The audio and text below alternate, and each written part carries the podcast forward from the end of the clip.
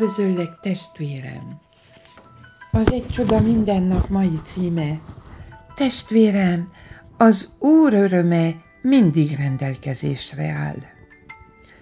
Végére érünk ma sorozatunknak a feszültségről, és főleg arról, hogy hogyan kerüljük el. A szöveg szabadon ihletődött Joyce Meyer Alig győződ? Című könyve alapján. Van-e a környezetedben valaki, aki vidám és örömteli, bármi történjék is? Mint valami terepjáró, amelyik jól elboldogul akármilyen terepen. Furcsának tűnhet, és talán felteszed magadban a kérdést, de hát hogy csinálja? Mi a titka?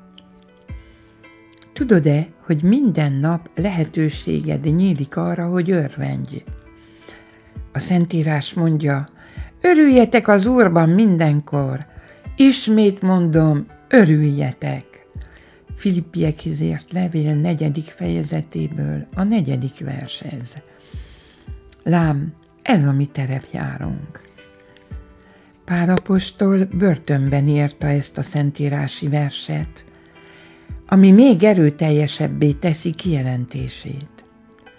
Még börtönben is, még a legnehezebb körülmények között is lehet örülni. Emberileg nem könnyű, de istenileg lehetséges. Pálapostól megmutatja, hogy az öröm elhatározás kérdése. Örömöd nem függ attól, ami körülötted történik, hanem Istentől, aki benned és veled van.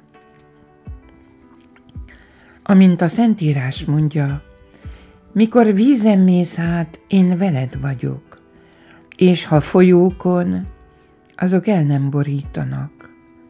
Ha tűzben jársz, nem égsz meg, és a láng meg nem perzsel téged. Ezsaiás profita könyvéből a 43. fejezet második verse. Amikor nehéz időket élsz, örvendhetsz, hogy Istennel éled meg azt. Testvérem, nem számít, min mész keresztül. Isten öröme minden nap rendelkezésre áll.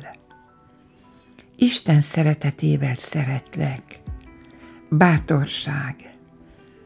Köszönöm, hogy vagy.